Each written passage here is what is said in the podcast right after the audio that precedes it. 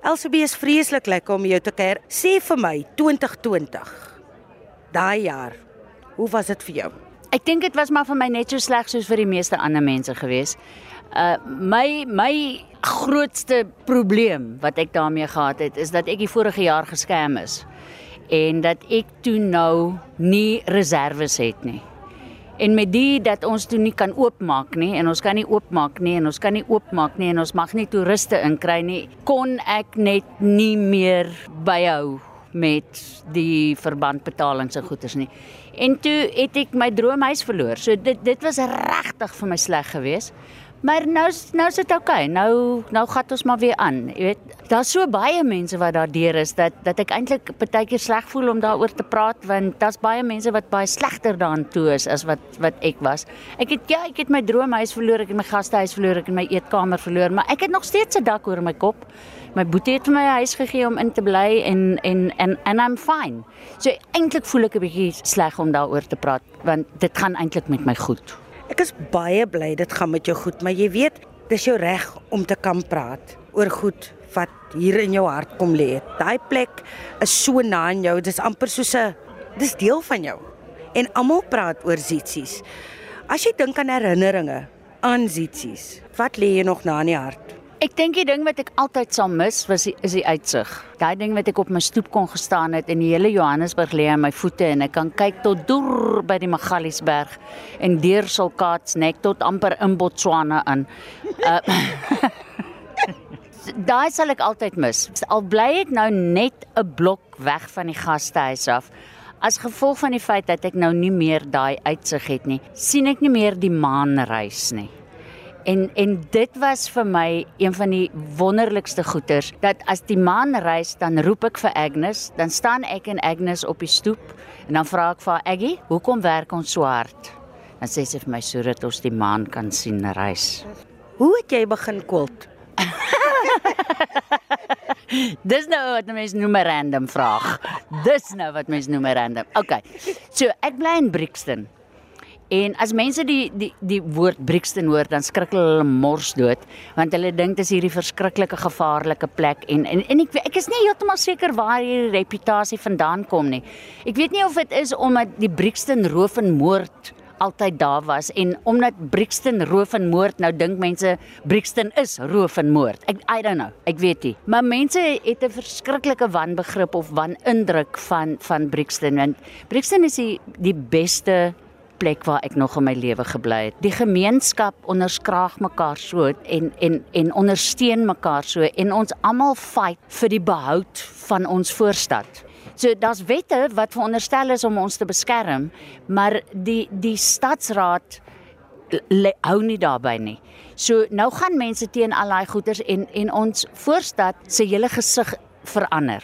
Maar dit gebeur dwars oor Suid-Afrika. Dit is nie net in Brixton nie, dit gebeur oral. Maar daar's mense in Brixton wat fight om Brixton te hou vir wat hy was. Soos my liewe Agnes bly in die laaste sinkhuis wat daar nog in Brixton is wat in 1905 gebou is.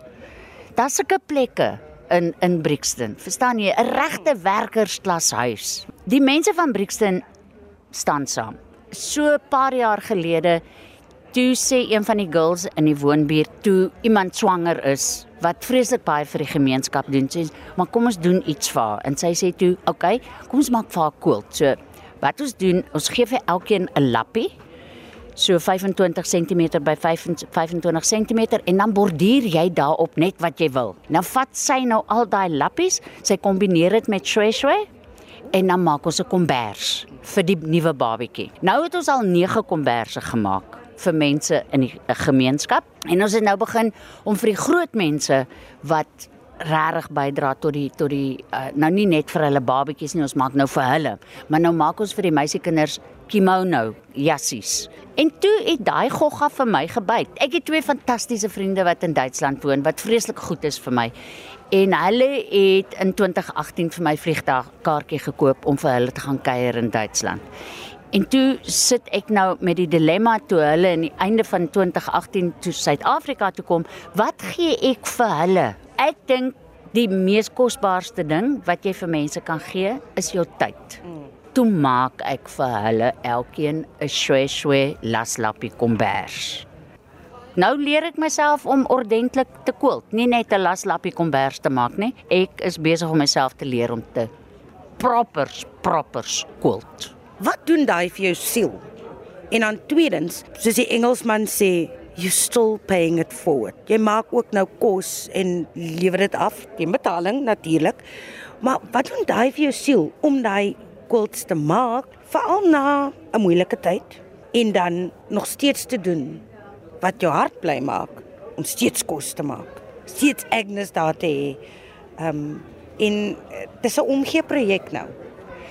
Ja, dit het dit dit het nou bietjie meer as 'n omgee projek geword. Ek ek hoop dat ek nou 'n bietjie geld ook daar uit kan maak. Hmm. Ek hoop regtig so. So ek het 'n klomp van 'n uh, 'n voorbeelde van my quilts KAK&K toe geneem om hulle net want ek het 'n stalletjie gehad by die KAK&K. Um, ek het vir Agnes saam met my gesleep al die pad af onder toe Oudtshoorn toe. Sy het koekies in beskuit gebak dat die bissies bewe en ons is met kratte koekies in beskuit af en ons het 'n stalletjie gehad en ek het my quilts daar gehad as voorbeelde met die hoop dat ek dalk 'n uh, 'n bestelling of twee kan kry. Sê vir my wat het toe gebeur? Jy is 'n super talentvolle vrou. Jy is besonder talentvol. Jy kan sing.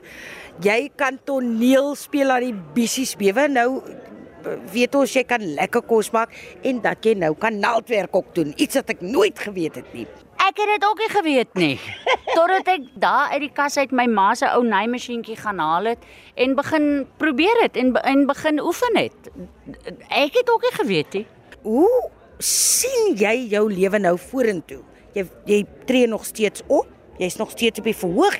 Jy was by die KAKNK in 'n produksie. Wil jy nou nog steeds sing? Wil jy nog steeds op TV wees? Kyk, jy moet onthou dat ek vir 10 jaar lank nie by 'n fees was nie. Mm. Want ek het die klomp kinders gehad wat ek deur die skool moes sit. En 2020 se KAKNK sou my terugkeer gewees het na die verhoog toe na 10 jaar van van kinders. En toe gebeur dit nie.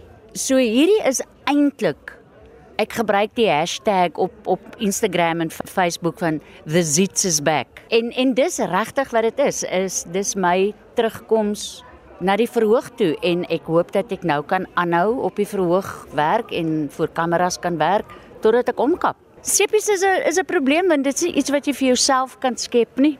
Ehm um, jy moet maar wag dat daar vir jou 'n rolletjie is, maar die verhoog kan ek vir myself werk skep. Nou het ek en 'n vriend ook ons eie produksiemaatskappy gestig met die naam van Drama Drama Produksies en ek hoop dat ons in die toekoms ook vir my en vir ander mense televisiewerk kan skep. Wat is Zitsie se drome? Ek weet nie wat om vir jou te antwoord op daai ene nie, want ek het so baie van my drome het ek al gedoen dat ek nie meer verskriklike groot drome het nie. Ek het wel die ongelooflike drang en behoefte om weer my lewe van die verhoog en van toneelspel en sing en daai te maak. Maar ek weet nie of dit 'n droom is nie, hmm. want dis deel van my lewe. En dit was nou vir 10 jaar weg gewees van my af basies. Ek kon net in Johannesburg werk. Ek kon nie toer nie as gevolg van die kinders. Daai dringende behoefte was nog altyd by my gewees en ek dink hy sal altyd by my wees ek het nie groot drome nog van ek wil weer 'n gastehuis hê of ek wil weer 'n eetkamer hê of 'n die of 'n daai nie. Daar is net by my 'n dringende behoefte om te werk. Of dit op die verhoog is, of dit voor 'n kamera is, of dit agter my naaimasjien is, of dit voor die stoof is. Daar is net die behoefte om te werk. Heidi, ek het nie die wêreld se oplossings nie. Nie een van ons het nie. Maar wat vir my werk. As ek 'n probleem sien, sien dit nie as iets wat my gaan stop nie. Ek kyk onmiddellik hoe hoe gaan ek oor hom kom? Gaan ek oor hom loop? Gaan ek 'n tonnel deur hom grawe? Gaan ek links om kan kom? Gaan ek regs om kan kom? En dan maak ek planne om om hom te kom. Maar ek laat my nie stuit deur 'n probleem nie. En ek ek dink dit is dalk die beste ding wat ek vir mense kan sê is moenie dat 'n probleem jou stuit nie. Gaan sit op jou agterend en bekyk die probleem en werk dan uit hoe kom jy om die probleem. Ek sê vir jou baie dankie. Dankie vir jou eerlikheid en dankie dat jy met my gesels het, dat jy tyd gemaak het om met my te gesels. En ek wil vir jou sê, mag die voorspoed jou verveel. Dankie nooi.